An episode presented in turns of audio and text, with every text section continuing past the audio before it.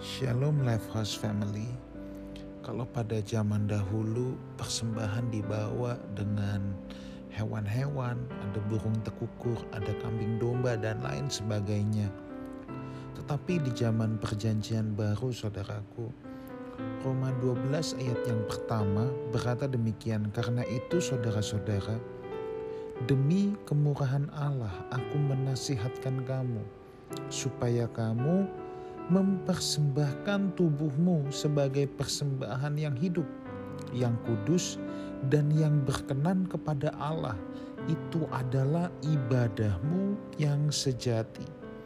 Kalau tadi saya katakan di zaman Perjanjian Lama, orang-orang Israel mempersembahkan hewan sebagai pengganti dirinya mereka, tetapi di zaman Perjanjian Baru Tuhan meminta kita untuk mempersembahkan tubuh kita sebagai bukan persembahan yang mati tetapi persembahan yang hidup.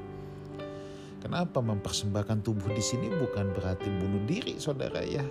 Bukan berarti tubuh kita dipotong bukan, tetapi persembahan tubuh di sini adalah kita memisahkan tubuh kita hanya digunakan untuk tujuan-tujuan Tuhan, untuk kesucian Tuhan kita tidak menajiskan tubuh kita dengan hal-hal yang melukai hati Tuhan.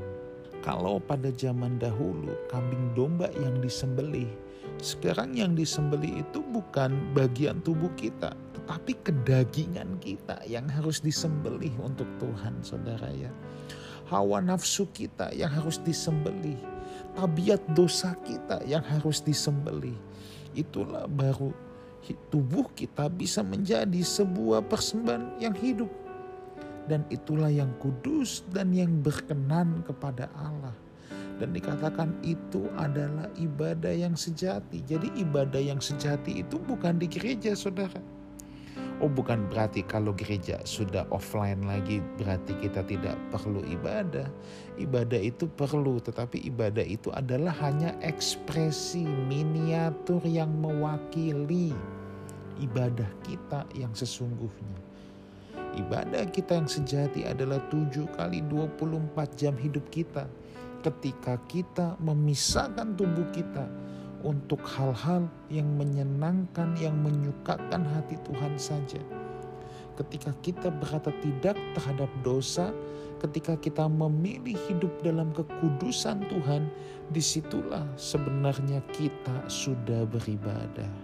Nah, orang-orang yang berkomitmen untuk mempersembahkan tubuhnya sebagai persembahan yang hidup, yang kudus dan yang berkenan saudara. Ketika ia datang ke gereja, dia menyanyikan pujian, Ku beri yang terbaik bagimu.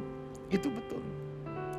Sebab yang terbaik telah dia berikan, yaitu tubuhnya dijaga untuk kekudusan Tuhan. Itulah persembahan yang terbaik persembahan yang terbaik itu bukan uang kita saudara. Nah mungkin saudara ada yang bertanya, oh jadi kita nggak perlu memberikan kolektor lagi dong, kan kita cukup memberikan tubuh kita. Kalau kolektor saudara itu sebenarnya hanya bentuk atau sebagian kecil bentuk pengabdian kita kepada Tuhan, bentuk ungkapan rasa syukur kita ya. Orang yang berani mempersembahkan tubuhnya untuk Tuhan, nggak mungkin pelit untuk pekerjaan Tuhan, nggak mungkin. Tapi orang yang tidak pelit terhadap pekerjaan Tuhan belum tentu dia mau mempersembahkan tubuhnya. Tetapi orang yang mau mempersembahkan tubuhnya sebagai persembahan yang hidup, yang kudus dan berkenan, dia pasti tidak akan pelit terhadap pekerjaan Tuhan. Jadi saudaraku, materi tidak akan pernah bisa menggantikan hal yang satu itu, yaitu persembahan tubuh sebagai persembahan yang hidup, kudus dan berkenan. Bukankah di zaman perjanjian lama juga orang-orang Farisi melakukannya? Lada, jinten semua juga diperpuluhkan. Tetapi Tuhan berkata yang ku kehendaki adalah belas kasihan dan bukan persembahan itu artinya apa? Bukannya salah kasih kolektor saudara ya. Tetapi Tuhan bicara begitu sama orang Farisi karena orang Farisi punya prinsip yang penting aku sudah kasih kolektor. Yang penting aku kasih perpuluhan. Hidup suka-suka aku. Ini loh yang Tuhan lawan. So, Life House Community, saya encourage kita semua untuk mempersembahkan tubuh kita sebagai persembahan yang hidup, kudus, dan berkenan kepada Tuhan. God bless you all.